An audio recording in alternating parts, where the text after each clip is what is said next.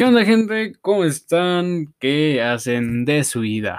Pues aquí les habla su compa, el Blue Leo, dándoles la bienvenida a este primer episodio de mi podcast, el podcast del Blue Leo.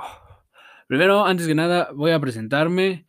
La mayoría de gente que me con que está en ese podcast, escuchándolo, ya me conoce, pero habrá uno que otro no. Me presento, banda. Yo soy Leonardo. Mm, es, actualmente estoy estudiando la preparatoria. Eh, hago música, más específicamente rap. Y pues estoy iniciando este proyecto.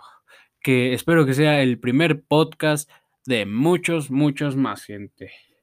Pues comenzamos, ¿no? Comenzamos con esto. El día de ayer, gente, les hice una publicación en mi Facebook diciéndole, hey, gente, voy a hacer un podcast eh, denme ideas de lo que podría hablar o de los temas que les gustaría tratar, ¿no? Y pues me comentaron. Lo primero que me comentan, de qué quisiera, de qué quisiera que hablara, ¿no? Del por qué o cómo me interesé por el rap.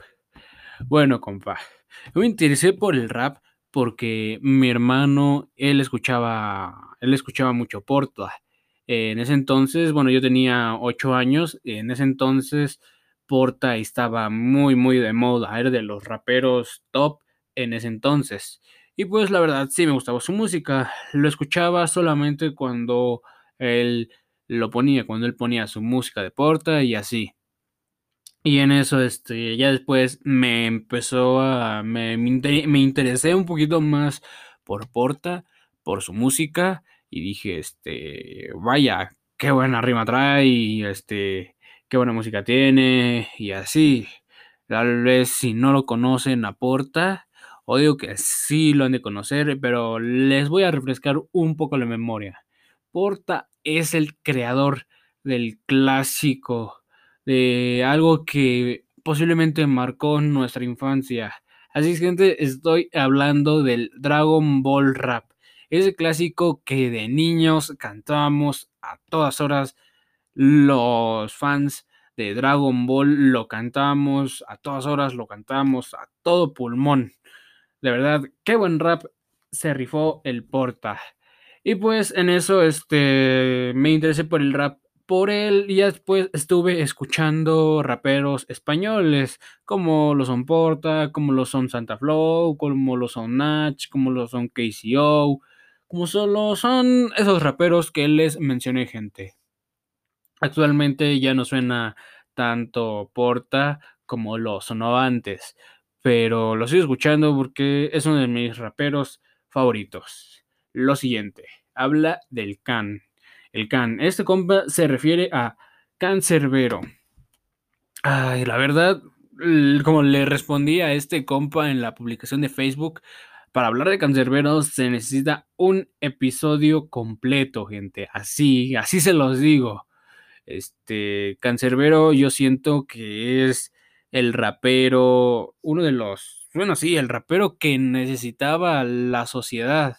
Este, bueno, es que tal vez lo di, lo, lo, tal vez ustedes preguntan, ¿por qué lo necesitaba o por qué? Bueno, para los que no sepan, Cancerbero lamentablemente falleció hace seis años y por eso hablo de esa forma de les digo, este, era, era el rapero que necesitaba esta sociedad, que necesitaba esta generación. Y los que han escuchado su música sabrán del por qué los digo. Y para los que no, les explico un poco.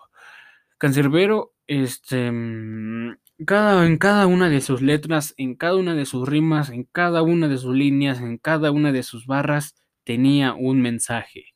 Así es, tenía un mensaje que tú te lo ponías a... La escuchabas bien, lo escuchabas más de dos veces y te lo ponías a pensar, te lo ponías a reflexionar sobre lo que decía. Porque hablaba mucho, este, hablaba de la represión, de lo que estaba viviendo en su país, de lo que él vivía, este, pero tenía un mensaje más que profundo. Como les digo, para hablar más a fondo de cáncer, pero yo siento que necesito un episodio completo y pues no sé, a lo mejor el próximo podría ser de cancerbero. Ahí esténse atentos, gente. Y pues vamos con lo siguiente, ¿va? ¿En quién o qué te inspiraste para hacer música o para hacer rap? Bueno, para los que no sepan, yo hago, hago rap. Este, bueno, como les, bueno, sí, les acabo de decir en el principio que hago rap. Díganme algo, banda. Este, pues sí, este, me inspiré en sí, no en sí en algo en específico o en un solo factor, sino fueron varias cosas, como lo son este, la necesidad de expresarme, la necesidad de decir lo que sentía, este, la necesidad de escribir, como por ejemplo, no sé, este, yo salía este, con, mis, con mis panas o salía a cualquier lugar, este, o, o había un día y decía, no, pues este tal día me pasó esto, o salí con mis compas y me pasó esto. Yo lo escribía, bueno, lo sigo escribiendo, este, le adaptaba a sus líneas, le adaptaba, le adapto sus barras, le adapto este todo.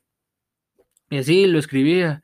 Este, también me inspiré, este, como se, como les digo, este, en Cancerbero. Cancerbero es mi rapero favorito.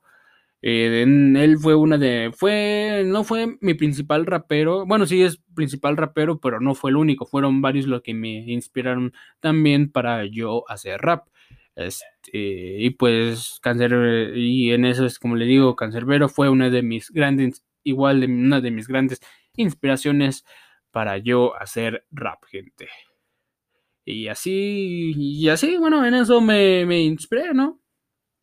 Me dice otro compa, lo mejor que has vivido y da consejos de cosas que no quisieras que le pasara a las demás personas, que, bueno, sí, que no quisieras que a las demás personas les pase. Eh, lo mejor que me ha pasado. Mm, no te. Mm, como te, digo, compa. Tengo 16 años. Este, por mi edad, no podría decirte bien que algo. Lo mejor que me ha pasado en mi vida. Porque cuando tenga yo 25 años, podría decir, no, pues a los 17 me pasó esto y yo considero que fue lo mejor de mi vida. A los 18 me pasó esto y fue lo mejor de mi vida pues no, porque aún me falta mucho camino para recorrer para, no sé, decirte específicamente un recuerdo grato, un recuerdo muy feliz. Pero a ver, un recuerdo así, algún, algún, uno que recuerda así que diga, no, esto fue algo muy feliz que me ha pasado y sin duda lo voy a recordar por toda mi vida. Fue una vez cuando, bueno, fue cuando salimos de secundaria y los panas que nos juntábamos, la bolita que nos juntábamos, ¿no? Dijimos, oye, oigan, ¿por qué no hacemos una, es, pues sí, una tipo pijamada, ¿no? No es que suena como que muy de niños, este, llamarle pijamada, pero pues nos fuimos y nos quedamos en la casa de un compa, de, de mi compa llamado Raúl. Este, un saludo, compa, si está escuchando esto, un saludo y un abrazo. Este, fuimos a su casa, este, unos panas, este, trajeron una casa de campaña y nos quedamos, este, en su patio porque su patio es verdaderamente enorme, como que para darle, como que no sé, ese, ese un, un toque un poquito especial, como, como cuando vas a acampar y así, ¿no? Pues sí, pues la verdad sí me la pasé demasiado bien. Este, fuimos, fue que hicimos una fogata, este, platicamos, mm, la platicamos un buen, nos dormimos bien tarde, nos despertamos bien temprano y así, gente. Y pues la verdad, me la pasé muy bien. La verdad, es un muy grato recuerdo y se los aseguro, eso nunca lo voy a olvidar. Y un consejo, un consejo de cosas, y da consejos de cosas que quisieras que a las demás personas no les pase. Este, pues chale, ¿qué te podría decir? La verdad, yo no soy tan bueno como para dar consejos, pero un consejo. Eh, disfruta tu vida, compa. Disfruta lo que tienes, disfruta el ahora, no te preocupes por, por tonterías que no te afectan. Pues tú vive tu juventud, porque ahorita eres joven, este, tienes a tu familia, tienes a tus amigos, este, y pues disfruta, ¿no? Este, no te, no te quedes en tu burbuja, este, descubre más horizontes, este, intenta varias cosas, haz muchos deportes, tal vez eres un, eres muy, muy bueno, este, en un deporte y no lo sabes, así que disfruta, descubre y diviértete. Y pues, otra cosa, me comenta otro compa. Habla de lo difícil que es hablar de algo que nadie ha hablado ahora que todos los temas populares ya están sobreexplotados. Ah, ¿cómo, ¿cómo decirles esto, gente? ¿Cómo expresárselos, no?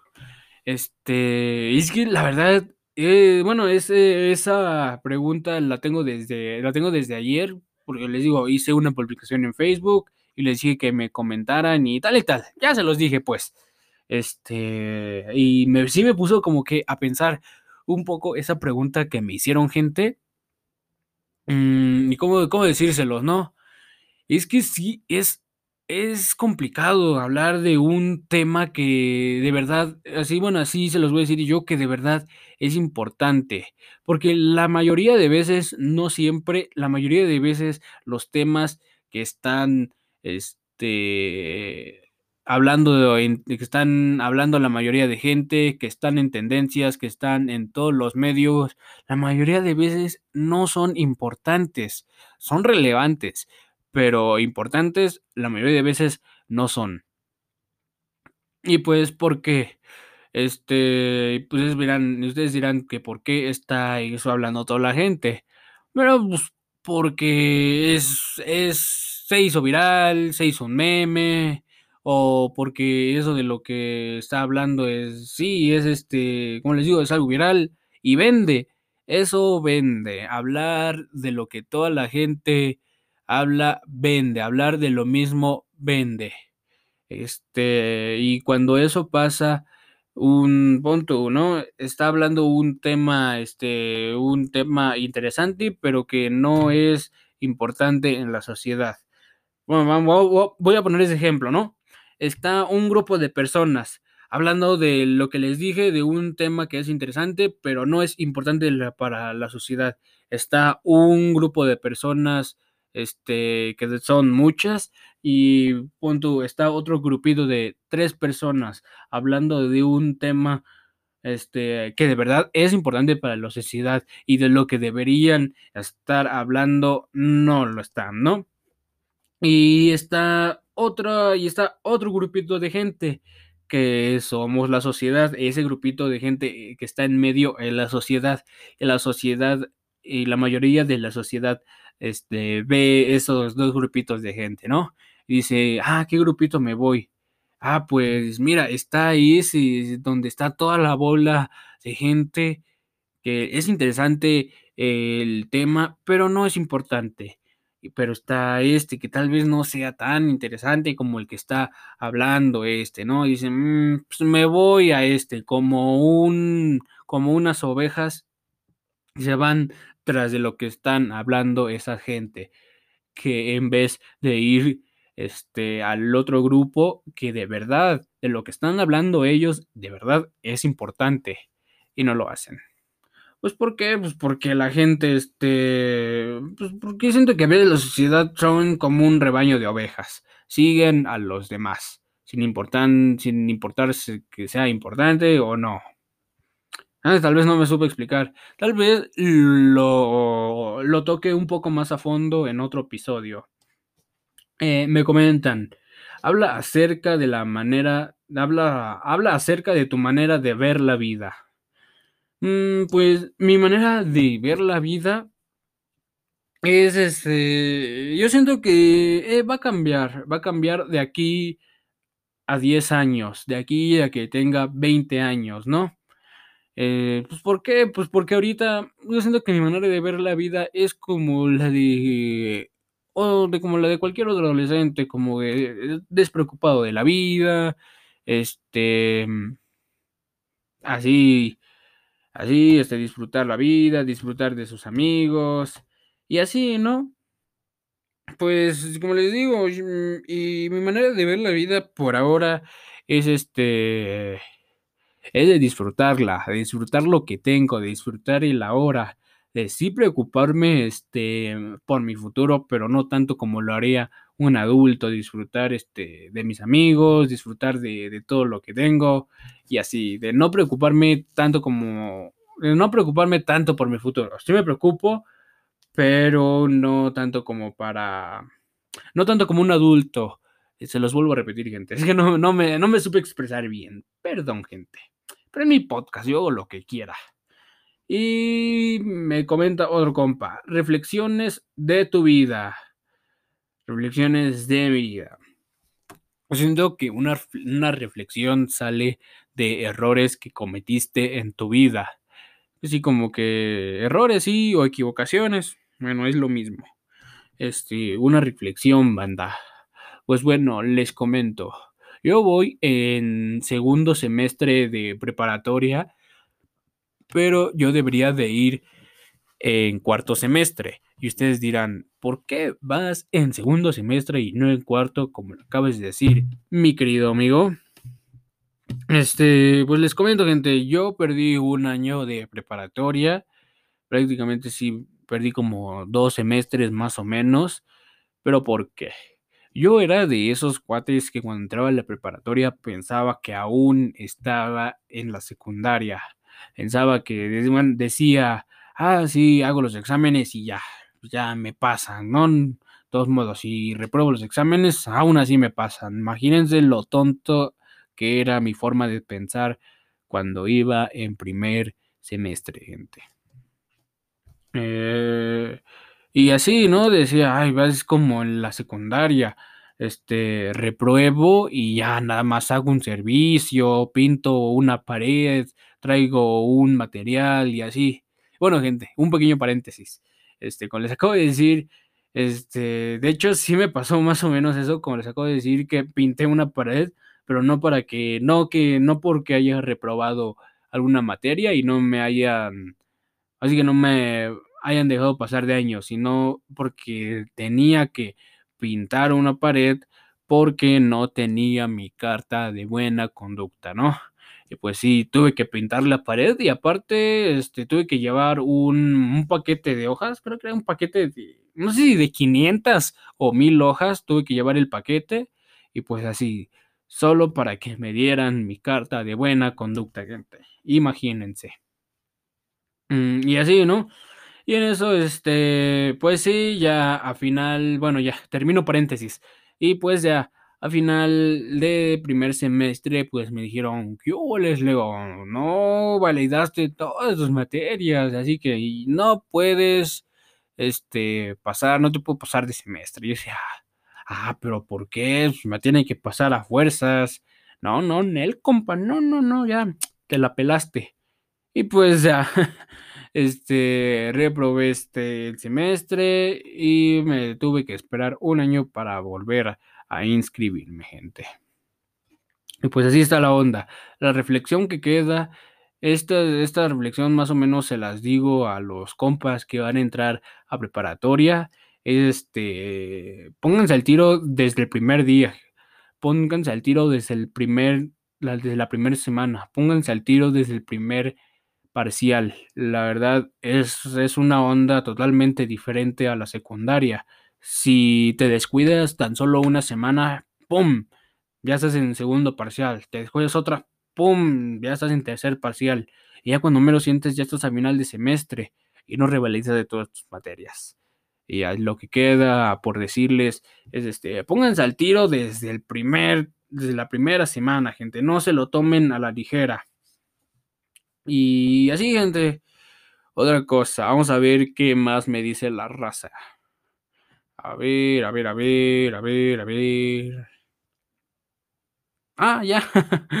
Ay, no, yo decía, no, pues más cosas me comentaron. Pues eso queda, gente, por decirles.